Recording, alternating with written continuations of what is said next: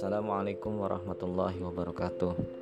Innal hamdalillah nahmaduhu wa nasta'inuhu wa nastaghfiruh wa na'udzu billahi min sururi anfusina wa min sayyiati a'malina. May yahdihillahu fala mudhillalah wa may yudlil fala hadiyalah Asyhadu an la ilaha illallah wahdahu la syarikalah wa asyhadu anna Muhammadan abduhu wa rasuluh. Allahumma shalli ala Muhammad wa ala alihi wa ashabihi wa man tabi'ahum bi ihsan ila yaumiddin. Amma ba'd Faqala Allah Ta'ala fi kitabihil karim a'udzu billahi minasyaitonir rajim ku anfusakum wa ahlikum nara. Wa qala aidan rabb wa qul rabbirhamhuma kama rabbayani shaghira sadaqallahul adim. Uh, jamaah pengajian atau peserta pengajian dari komunitas Umi yang insya Allah dirahmati Allah Subhanahu Wa Taala Insya Allah pada kesempatan kali ini kita akan sama-sama coba ya membahas merenungi tentang sebuah topik ya yang diamanahkan kepada saya. Uh, topiknya menjadi orang tua yang berwibawa ya. Baik uh, sebelumnya atau pada uh, kajian yang lalu ya pada bulan lalu sudah disampaikan ya konsep tentang orang tua ya pada tema al-um madrasatul ula yang saya telah jelaskan bahwa sebetulnya konsep al-um itu adalah konsep orang tua, konsep tersendiri yang kemudian konsep madrasah adalah konsep yang tersendiri ya sebagai sebuah uh, rangkaian atau skema yang dipadukan ya bukan dalam pengertian asalnya bahwa orang tua itu pasti jadi madrasah. Ya. Pada kajian yang sebelumnya juga telah sedikit disinggung ya tentang keorangtuaan ya. Soalnya pada kesempatan kali ini kita akan coba mengulas lebih jauh lagi, lebih dalam lagi tentang apa sih orang tua itu. Jadi uh, pembahasan kita sekarang ada dua variabel ya. Ada dua pembahasan. Yang pertama tentang apa itu orang tua. Kemudian nanti uh, kaitannya uh, agar orang orang tua itu menjadi berwibawa. Kalau bahasa anak sekarang itu yang berwibawa itu yang paling dicari-cari ya. Kalau akhwat-akhwat katanya cari suami yang berwibawa ya. wi bawa mobil gitu. Wi bawa motor bawa yang lain-lain nah, baik eh, kita fokus kembali. Jadi um, orang tua dan wibawa. Orang tua itu adalah orang yang melahirkan dan orang yang dituakan dalam pengertian yang langsung kita tunjuk bahwa orang tua itu ayah dan ibu gitu ya kemudian sesuai dengan uh, urutan kewalian ya. bisa paman uwa kakek dan seterusnya nah, dalam pengertian yang tidak langsung orang tua adalah siapa saja yang dituakan atau dihormati ya. sekaligus ini menunjukkan uh, kesamaan konsep dengan uh, istilah wibawa wibawa itu artinya enggan atau segan ya. Tidak mau eh, dalam pengertian tidak berani ya. Atau uh, sesuatu yang atau sikap yang menunjukkan malu ya. Tidak berani melakukan apa-apa atau tidak berani mengambil tindakan sendiri ya. Karena patuh atau karena hormat terhadap sesuatu yang ada di hadapannya. Jadi wibawa itu uh, dampaknya adalah segan atau disegani itu kurang lebih uh, uh, pengertian dari wibawa ya. sehingga seharusnya ya atau pada umumnya orang tua itu pasti berwibawa otomatis ya kalau dia menjalankan fungsi ke orang tuanya ya karena tadi secara definisi orang tua itu yang dituakan ya artinya yang dihormati sementara wibawa itu artinya uh, memiliki pengaruh sehingga dipatuhi dan dihormati gitu ya atau dalam bahasa yang lain istilahnya disegani ya. Nah, itu tentang orang tua yang berbuat. Nah, apa sih orang tua itu dan bagaimana orang tua itu secara otomatis harusnya menjadi berwibawa ya. Atau uh, orang tua itu memang seharusnya berwibawa. Nah, bagaimana menjadi orang tua itu? Karena kalau tidak dijalankan fungsi-fungsi ke orang tuanya, dia menjadi sekedar jabatan saja tanpa ada fungsinya atau tidak berjalan fungsinya dia menjadi orang tua saja karena kemarin Nafas sudah melahirkan sudah sudah hamil sudah menyus, uh, melahirkan dan menyusui ya kalau ibu. Uh, seharusnya itu sudah cukup ya membuat seorang anak menjadi uh, patuh dan hormat ya karena sudah banyak berhutang. Seorang anak itu uh, berhutang karena dia itu sebetulnya adalah milik orang tuanya. Ya. nah ini kita bahas konsepnya secara agak kronologis ya, atau lebih rinci lagi berurutan. Yang pertama uh, orang tua itu yang tadi sudah disebutkan di awal ya dalam Quran surat At-Tahrim ya dia bertugas menjaga ya ku anfusakum wa ahlikum.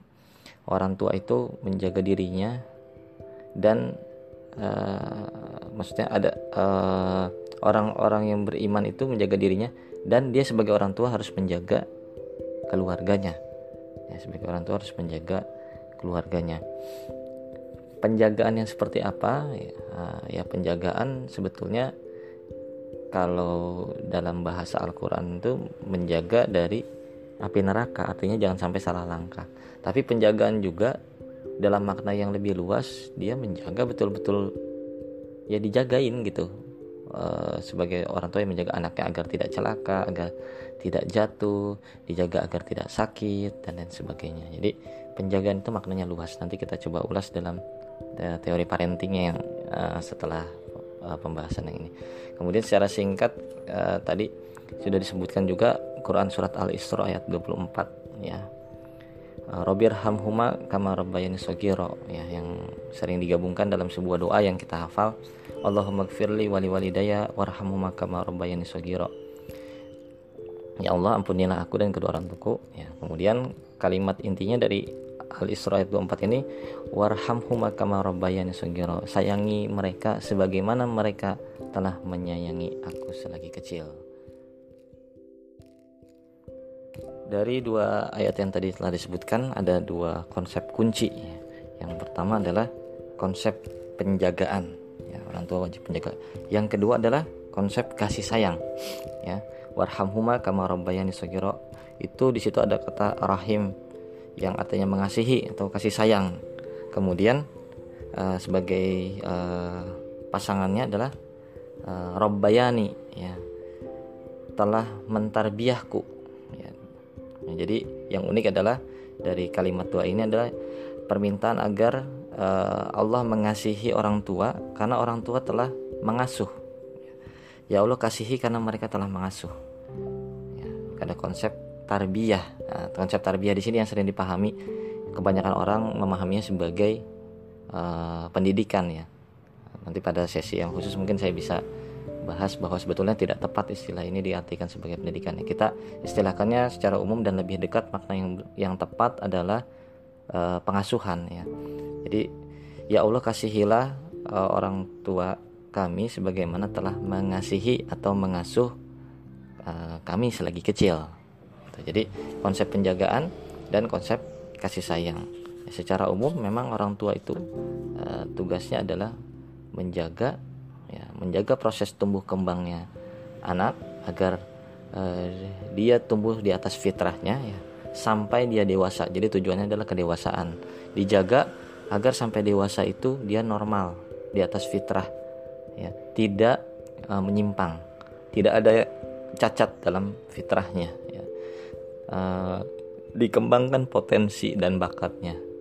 Dilindungi uh, perasaannya, dilatih mentalnya ya di diasah keterampilannya, mentalnya, kemudian uh, spiritualnya ya dalam uh, istilah yang sudah dikenal dalam khasanah uh, peradaban kita, kita ada ada istilah asah, asih dan asuh ya. Diasah ya, tadi diasah uh, keterampilannya, diasah uh, apa? Uh, mentalnya, diasah mentalnya dan keterampilannya. Kemudian diasih. Asih itu berarti dilindungi, disayangi, diasih perasaannya, diasih kejiwaannya. Kemudian diasuh fisiknya, ya, biologinya. Apa? Uh, fisik atau jasmaninya, badannya. Jadi uh, asah asih dan asuh ini adalah konsep pengasuhan yang penting sebenarnya dan sudah ada dalam Hasanah peradaban kita hanya saja sering dilupakan dan tidak digali. Jadi ada tiga, tiga komponen pengasuhannya. pengasuhan itu komponennya uh, asah asih dan asuh asuh yang uh, bagian ini atau dalam pengasuhan ada istilah asuh ya asah asih dan asuh asuh dalam pengertian ini adalah pengertian yang ekonomis ya, pengertian untuk pemenuhan kebutuhan sandang pangan dan papan ya jadi secara fisik orang tua selain wajib uh, tadi apa pertama asah ya. Uh, wajib mengasah keterampilannya mengasah mentalnya agar agar dia berani sesuai pada tempatnya agar dia uh, ya berani tadi bisa berani dalam pengertian berani memimpin berani tampil berani melakukan perbuatan uh, tidak hidup dalam ketakutan ya percaya diri itu dengan itu tugas orang tua ya kemudian juga dia teguh pendiriannya ya terasah secara spiritual uh, dia hidup dengan uh, ketenangan dalam pengertian uh, memiliki pandangan tentang masa depan ya. Ditumbuhkan angan-angan atau mimpi masa depannya ya biasanya dalam bentuk cita-cita atau sejenisnya atau gambaran panduan-panduan yang itu bisa menjadi pegangan dia ya.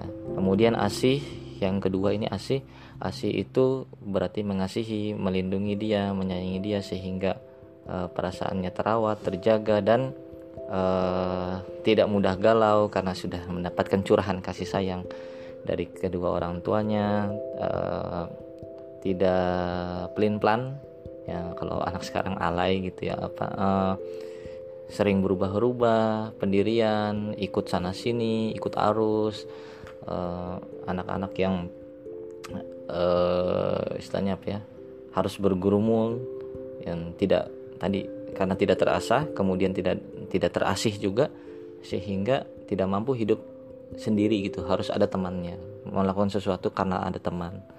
Ya kemudian gampang jatuh ke dalam pelukan uh, temannya atau pacarnya karena tidak pernah dipeluk orang tuanya, tidak pernah mendapat kecupan uh, di kening dari orang tua, tidak pernah dibelai rambutnya, sehingga ketika ada yang membelai, uh, dia menjadi apa pasrah dan tunduk patuh kepada orang itu, orang asing yang sebenarnya tidak layak atau tidak halal, tidak pernah uh, di asih ini juga termasuk didengarkan curhatannya ya ketika dia ingin mengadu mengadu pada siapa? Pada orang tua ketika ingin bercita-cita pada pada orang tua. Sehingga uh, kalau dia uh, perasaannya itu terayomi ya di difasilitasi dengan baik diberikan curahan kasih sayang sehingga dia tidak melarikan kasih sayangnya kepada yang lain. Ya, ini juga tugas orang tua ya.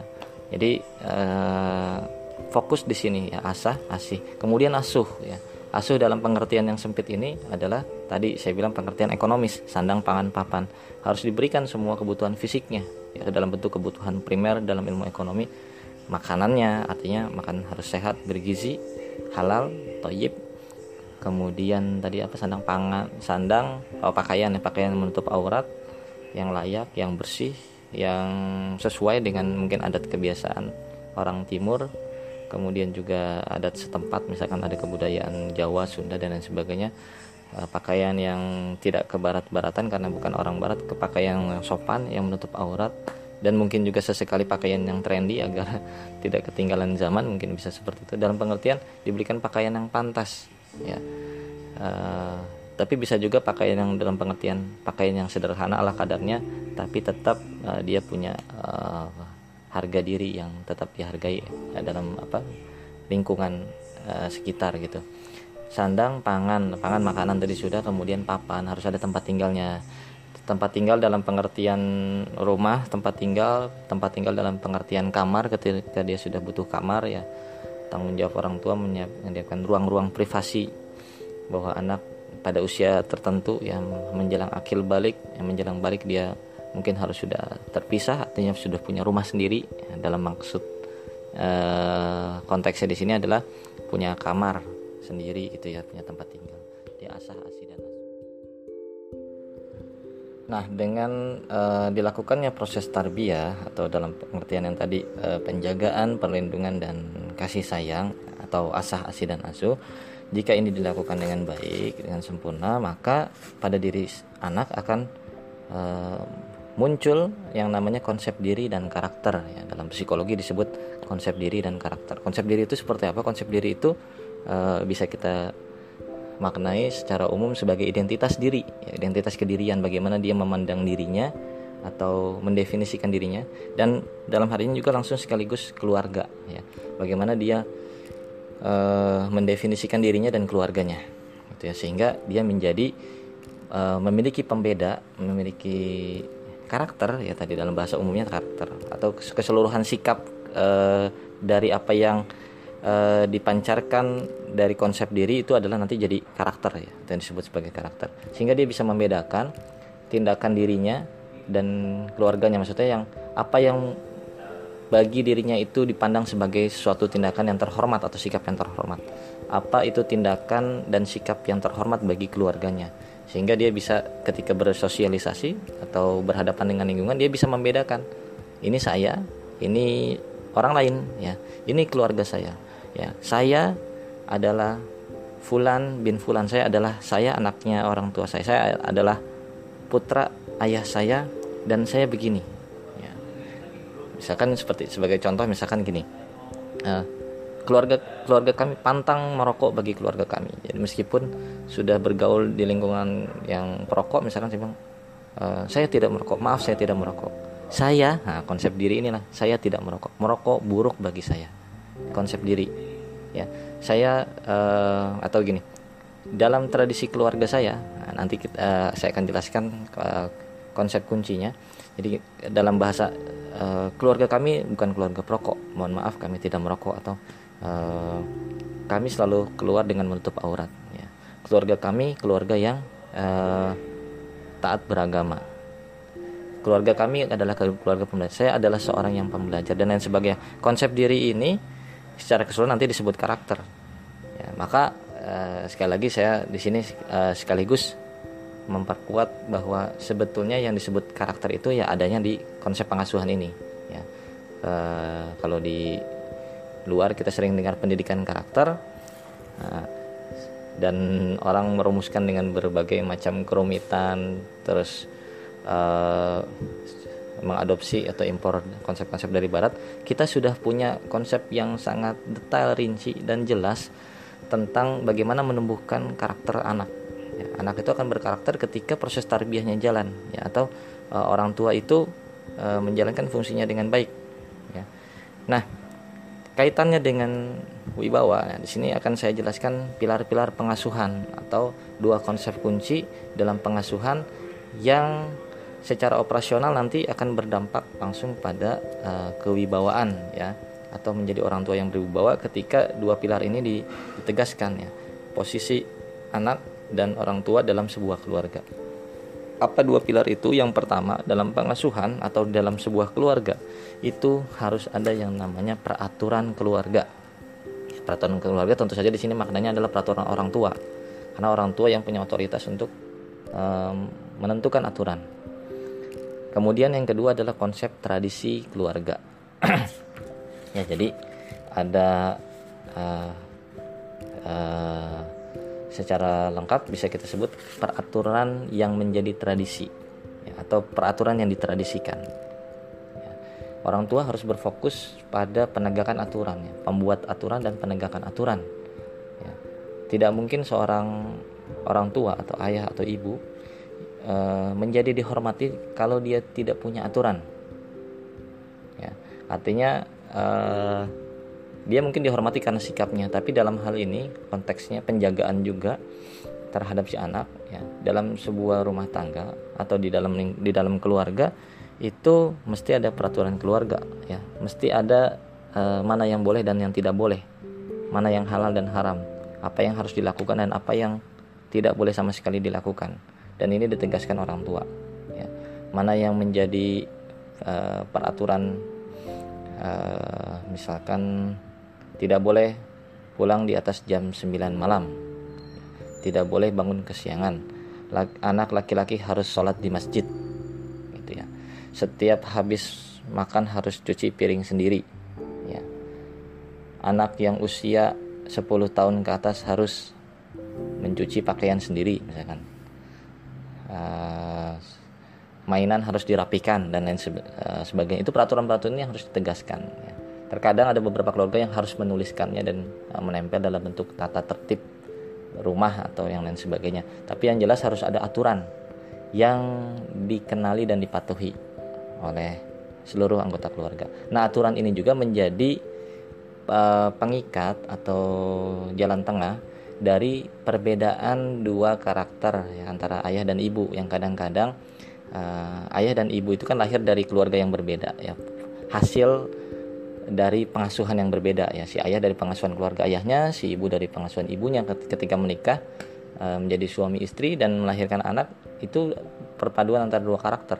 Yang bisa jadi menurut si ayah yang ini menjadi tidak boleh uh, itu pelanggaran berat tapi menurut ibu ah, itu biasa-biasa saja dan lain sebagainya. Nah peraturan keluarga ini adalah uh, jalan tengah dari perbedaan pengasuhan yang ada produk dari kakek dan neneknya gitu. Dari orang tua ayah dan orang tua ibu. Jadi harus ada peraturan. Yang berikutnya adalah tradisi. Tradisi itu secara singkat misalkan gini ada tradisi pagi tradisi malam atau mungkin ada tradisi siang juga. Setiap pagi kita biasa begini. Bahasanya biasa tidak dengan bahasa peraturan yang ada hukumannya tapi otomatis e, dilakukan oleh si anak karena terbiasa karena juga ada keteladanan dari orang tuanya karena diteladani kemudian mengikuti saya biasa begini orang tua saya biasa lo begini pagi-pagi kami biasanya uh, kalau hari libur lari pagi dan jalan-jalan di hari libur kami biasa uh, ke kebun bercocok tanam. Saya kalau waktu senggang biasanya membaca buku. Itu kebiasaan-kebiasaan yang dibentuk di dalam rumah tangga dalam keluarga, ya malam hari biasanya saya saya yang biasa menyalakan lampu mengunci pintu dan lain sebagainya.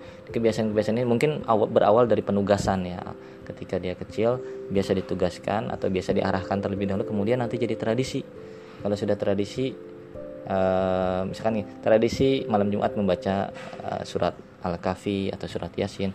Kemudian tradisi one day one juice misalkan tradisi zikir pagi petang wirid sama-sama uh, dilakukan oleh keluarga. Kemudian jadi tradisi ini kalau di dalam uh, keluarga atau dalam rumah itu ada peraturan yang ditegakkan dan ada tradisi bersama yang biasa dilakukan maka keluarga ini akan menjadi keluarga yang solid. Ketika keluarga ini solid maka otomatis orang tua akan kembali pada posisi yang sebenarnya dia adalah orang yang dihormati ya.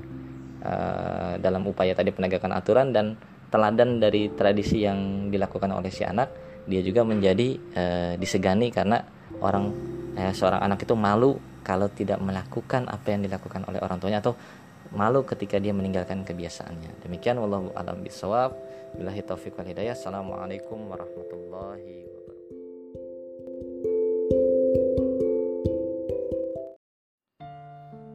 Assalamualaikum warahmatullahi wabarakatuh Innal hamdalillah nahmaduhu wa nasta'inuhu wa nastaghfiruh wa na'udzu billahi min shururi anfusina wa min sayyiati a'malina may yahdihillahu fala mudhillalah wa may yudlil fala hadiyalah. Asyhadu an la ilaha illallah wahdahu la syarikalah wa asyhadu anna Muhammadan abduhu wa rasuluh. Allahumma shalli ala Muhammad wa ala alihi wa ashabihi wa man tabi'ahum bi ihsan ila yaumiddin amma ba'd. Faqala Allah Ta'ala fi kitabihil karim a'udzu billahi minasyaitonir rajim. Ku anfusakum wa ahlikum nara.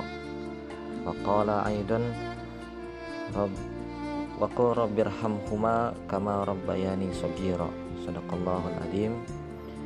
Uh, jamaah pengajian atau peserta pengajian dari komunitas Umi yang insya Allah dirahmati Allah Subhanahu Wa Taala Insya Allah pada kesempatan kali ini kita akan sama-sama coba ya, membahas merenungi tentang sebuah topik ya yang diamanahkan kepada saya uh, topiknya menjadi orang tua yang berwibawa ya.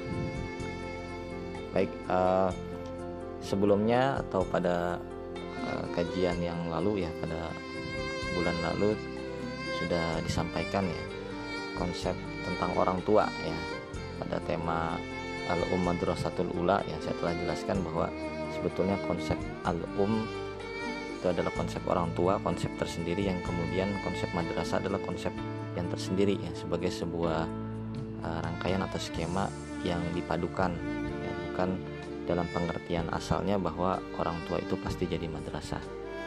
Ya. Pada kajian yang sebelumnya juga telah sedikit disinggung ya tentang keorangtuaan ya. Soalnya pada kesempatan kali ini kita akan coba mengulas lebih jauh lagi, lebih dalam lagi tentang apa sih orang tua itu. Jadi uh, pembahasan kita sekarang ada dua variabel ya. Ada dua pembahasan. Yang pertama tentang apa itu orang tua.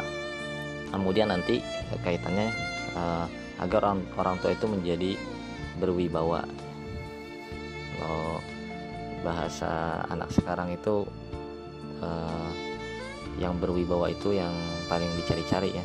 Kalau akhwat-akhwat katanya cari suami yang berwibawa. Wih bawa mobil gitu. Wih bawa motor bawa yang lain-lain nah, baik eh, kita fokus kembali. Jadi um, orang tua dan wibawa. Orang tua itu adalah orang yang melahirkan dan orang yang dituakan dalam pengertian yang langsung kita tunjuk bahwa orang tua itu ayah dan ibu gitu ya kemudian sesuai dengan uh, urutan kewalian ya. bisa paman uwa kakek dan seterusnya nah, dalam pengertian yang tidak langsung orang tua adalah siapa saja yang dituakan atau dihormati ya. sekaligus ini menunjukkan uh, kesamaan konsep dengan uh, istilah wibawa wibawa itu artinya enggan atau segan ya. Tidak mau dalam pengertian tidak berani ya, atau uh, sesuatu yang atau sikap yang menunjukkan malu ya, tidak berani melakukan apa-apa atau tidak berani mengambil tindakan sendiri ya. Karena patuh atau karena hormat terhadap sesuatu yang ada di hadapannya. Jadi wibawa itu uh, dampaknya adalah segan ya, disegani itu kurang lebih uh, uh, pengertian dari wibawa sehingga seharusnya ya atau pada umumnya orang tua itu pasti berwibawa otomatis ya. kalau dia menjalankan fungsi ke orang tuanya ya, karena tadi secara definisi orang tua itu yang dituakan ya, artinya dihormati sementara wibawa itu artinya e, memiliki pengaruh sehingga dipatuhi dan dihormati gitu ya. atau dalam bahasa yang lain istilahnya disegani nah itu tentang orang tua yang berwibawa nah apa sih orang tua itu dan bagaimana orang tua itu secara otomatis harusnya menjadi berwibawa ya. atau uh, orang tua itu memang seharusnya berwibawa. Nah bagaimana menjadi orang tua itu? Karena kalau tidak dijalankan fungsi-fungsi ke orang tuanya dia menjadi sekedar jabatan saja tanpa ada fungsinya atau tidak berjalan fungsinya dia menjadi orang tua saja karena kemarin apa sudah melahirkan sudah sudah hamil sudah menyus, uh, melahirkan dan menyusui ya kalau ibu uh, seharusnya itu sudah cukup ya membuat seorang anak menjadi uh, patuh dan hormat ya karena sudah banyak berhutang seorang anak itu uh, berhutang karena dia itu sebetulnya adalah milik orang tuanya ya.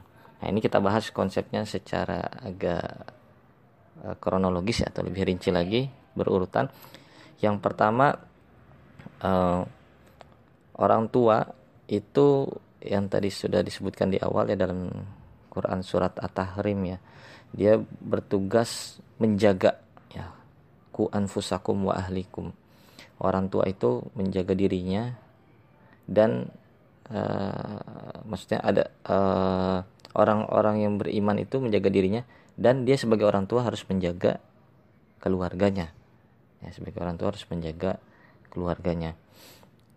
Penjagaan yang seperti apa? Ya, ya penjagaan sebetulnya kalau dalam bahasa Al-Quran itu menjaga dari api neraka. Artinya jangan sampai salah langkah.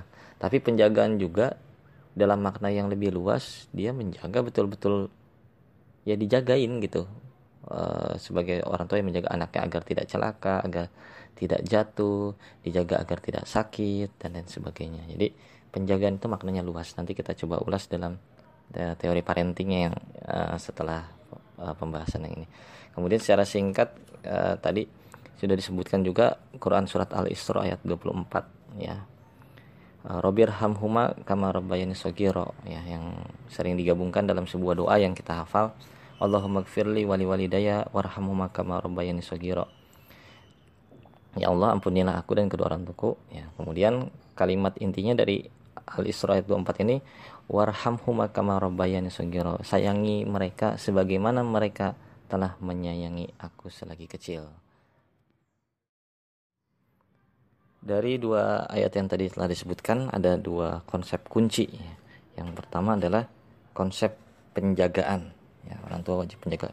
Yang kedua adalah konsep kasih sayang. Ya, warhamhuma kama rabbayani saghira. Itu di situ ada kata rahim yang artinya mengasihi atau kasih sayang. Kemudian uh, sebagai uh, pasangannya adalah uh, rabbayani ya telah mentarbiahku Ya, jadi yang unik adalah dari kalimat doa ini adalah permintaan agar uh, Allah mengasihi orang tua karena orang tua telah mengasuh. Ya Allah kasihi karena mereka telah mengasuh. Ya, ada konsep tarbiyah. Nah, konsep tarbiyah di sini yang sering dipahami kebanyakan orang memahaminya sebagai uh, pendidikan ya.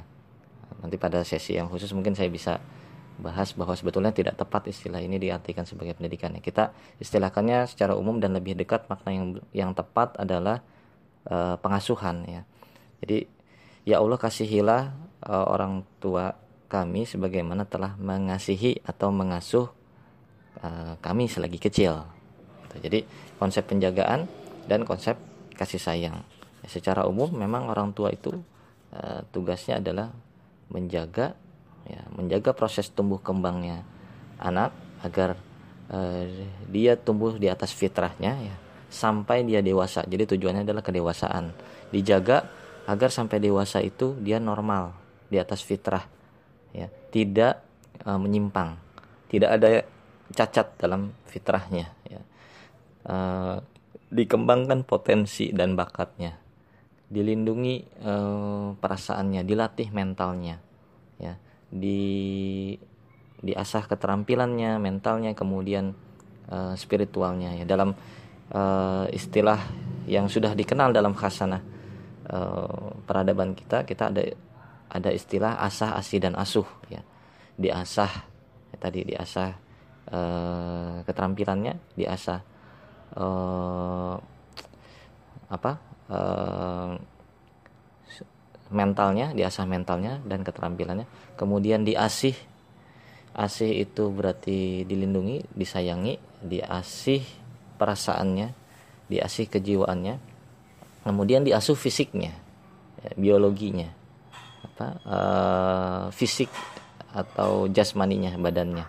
Jadi uh, asah asih dan asuh ini adalah konsep pengasuhan yang penting sebenarnya dan sudah ada dalam khasana peradaban kita hanya saja sering dilupakan dan tidak digali. Jadi ada tiga, tiga komponen pengasuhannya. Pengasuhan itu komponennya uh, asah, asih, dan asuh.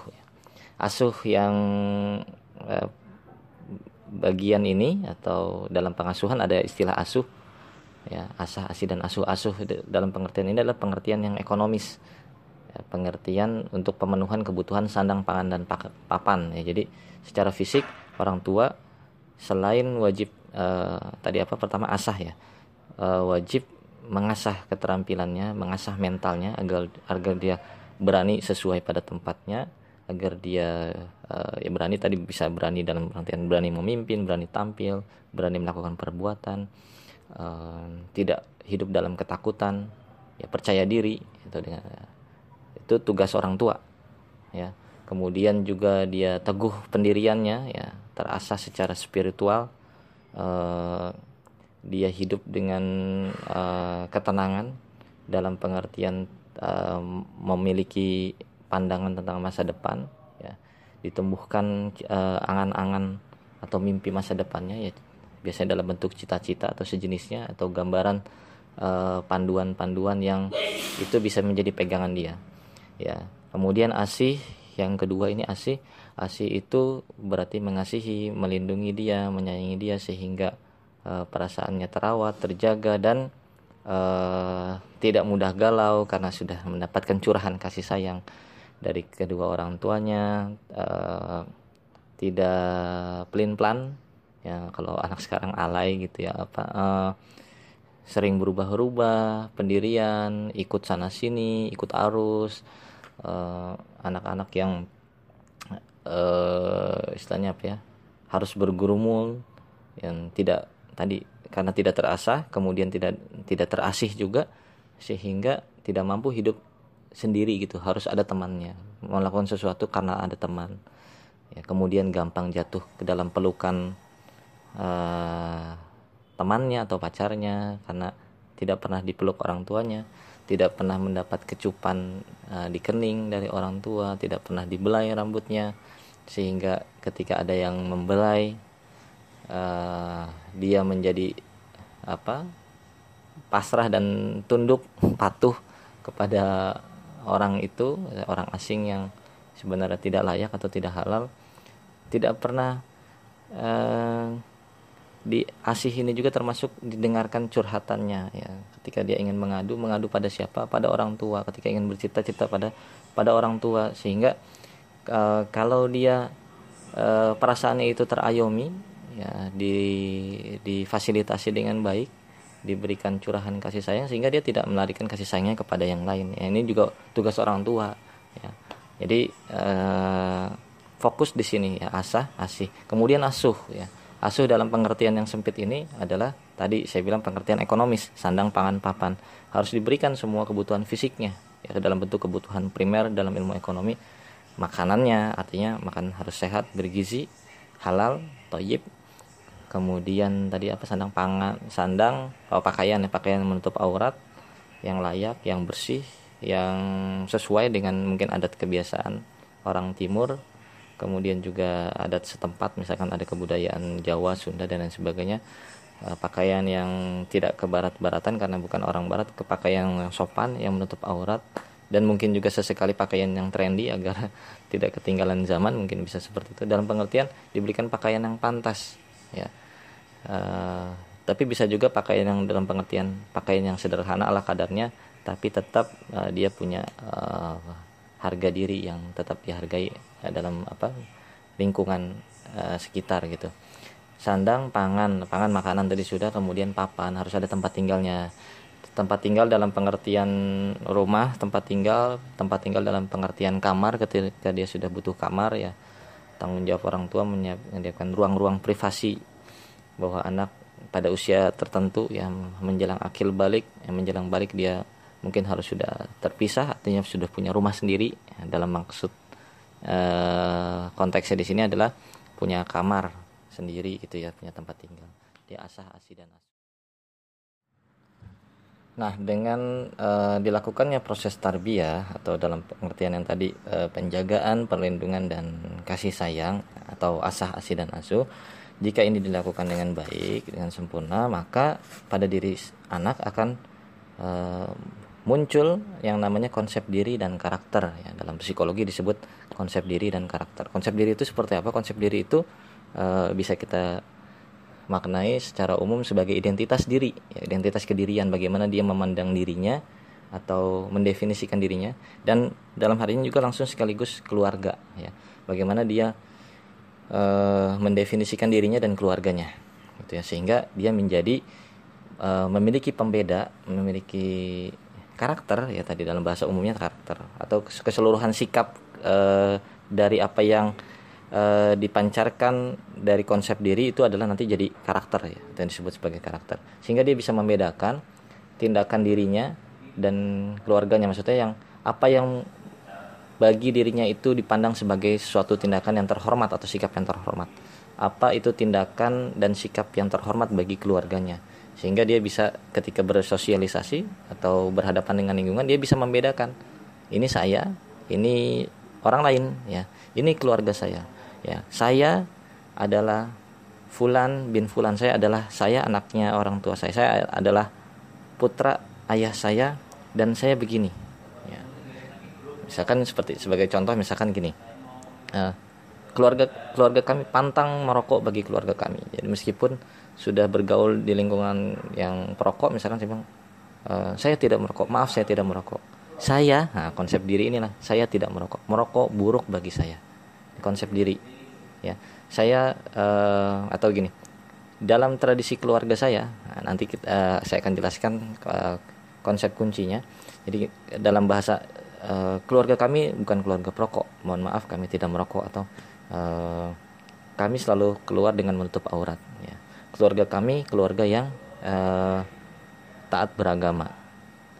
Keluarga kami adalah keluarga pembelajar. Saya adalah seorang yang pembelajar dan lain sebagainya. Konsep diri ini secara keseluruhan nanti disebut karakter ya, maka uh, sekali lagi saya di sini uh, sekaligus memperkuat bahwa sebetulnya yang disebut karakter itu ya adanya di konsep pengasuhan ini ya. Uh, kalau di luar kita sering dengar pendidikan karakter uh, dan orang merumuskan dengan berbagai macam kerumitan terus uh, mengadopsi atau impor konsep-konsep dari barat kita sudah punya konsep yang sangat detail rinci dan jelas tentang bagaimana menumbuhkan karakter anak ya, anak itu akan berkarakter ketika proses tarbiyahnya jalan ya atau uh, orang tua itu uh, menjalankan fungsinya dengan baik ya. Nah kaitannya dengan wibawa nah, di sini akan saya jelaskan pilar-pilar pengasuhan atau dua konsep kunci dalam pengasuhan yang secara operasional nanti akan berdampak langsung pada uh, kewibawaan ya atau menjadi orang tua yang berwibawa ketika dua pilar ini ditegaskan ya. Posisi anak dan orang tua dalam sebuah keluarga. Apa dua pilar itu? Yang pertama dalam pengasuhan atau dalam sebuah keluarga itu harus ada yang namanya peraturan keluarga. Peraturan keluarga tentu saja di sini maknanya adalah peraturan orang tua. Karena orang tua yang punya otoritas untuk um, menentukan aturan. Kemudian yang kedua adalah konsep tradisi keluarga.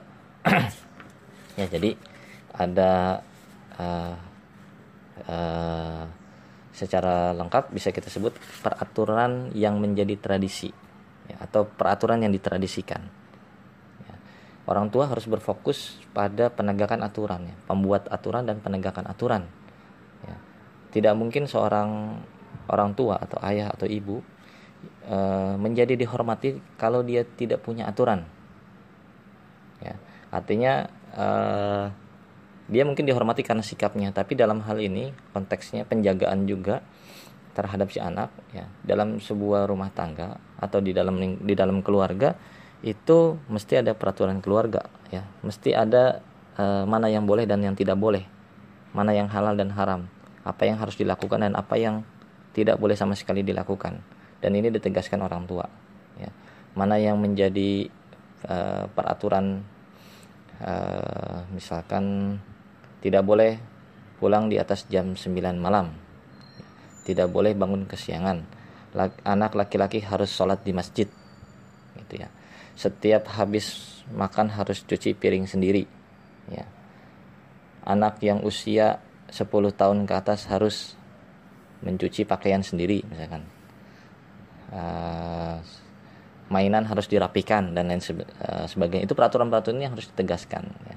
Terkadang ada beberapa keluarga yang harus menuliskannya dan uh, menempel dalam bentuk tata tertib rumah atau yang lain sebagainya. Tapi yang jelas harus ada aturan yang dikenali dan dipatuhi oleh seluruh anggota keluarga. Nah aturan ini juga menjadi uh, pengikat atau jalan tengah dari perbedaan dua karakter ya, antara ayah dan ibu. Yang kadang-kadang uh, ayah dan ibu itu kan lahir dari keluarga yang berbeda ya.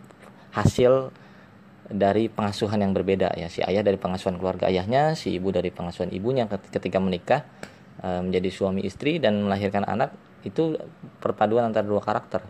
Yang bisa jadi menurut si ayah yang ini menjadi tidak boleh uh, itu pelanggaran berat tapi menurut ibu ah, itu biasa-biasa saja dan lain sebagainya. Nah peraturan keluarga ini adalah uh, jalan tengah dari perbedaan pengasuhan yang ada produk dari kakek dan neneknya gitu dari orang tua ayah dan orang tua ibu.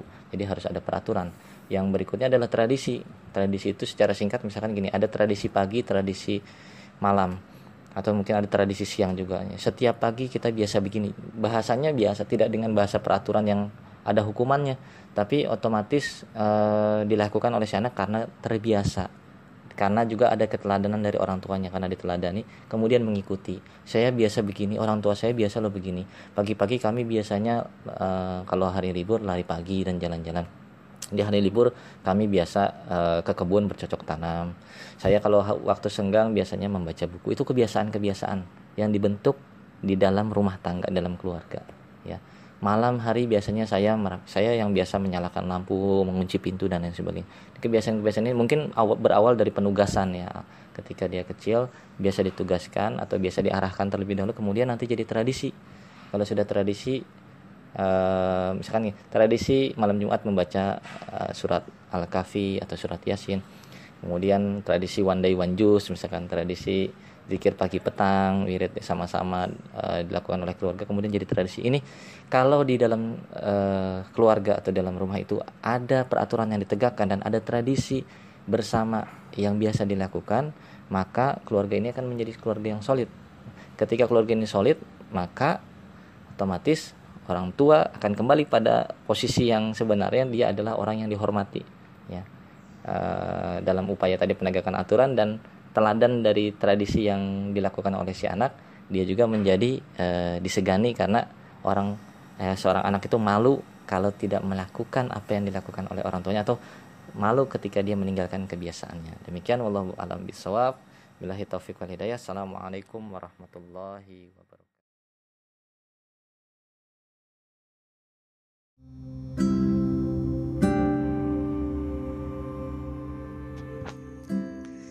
Bismillahirrahmanirrahim. Assalamualaikum warahmatullahi wabarakatuh.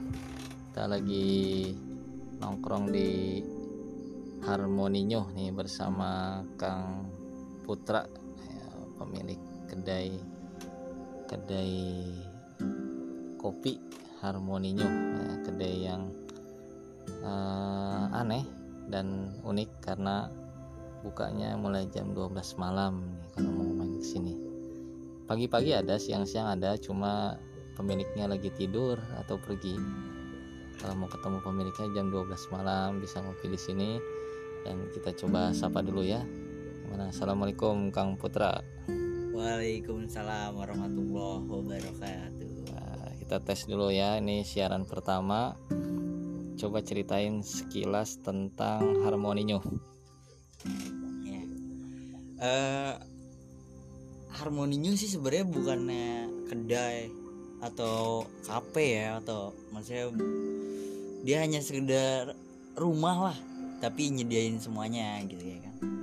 Bolehlah dicek IG-nya Harmoninyu apa tuh IG-nya Harmoninyu oh, Harmoninyu IG ada. Terus uh, websitenya belum bikin ya karena baru. Ya, nanti... padahal udah lama nanti proyekin kita sama kita. Yeah, bisa bisa bisa bisa. Ya gitu sih sebenarnya bukan. Udah berapa lama nih berdirinya Harmoninyo Harmoninyo uh, udah ada 8 bulan kali pak ya? Hmm, 8 bulan ya. Bentar lagi brojol ya. Sem bentar lagi 9 brojol. bulan brojol. 9 bulan brojol insya Allah mudah-mudahan. Oke okay, ya. nah nanti uh, karena ini percobaan dulu nanti Harmoninyo insya Allah bikin channel podcast sendiri. Ya itu dulu ya teman-teman. Assalamualaikum warahmatullahi wabarakatuh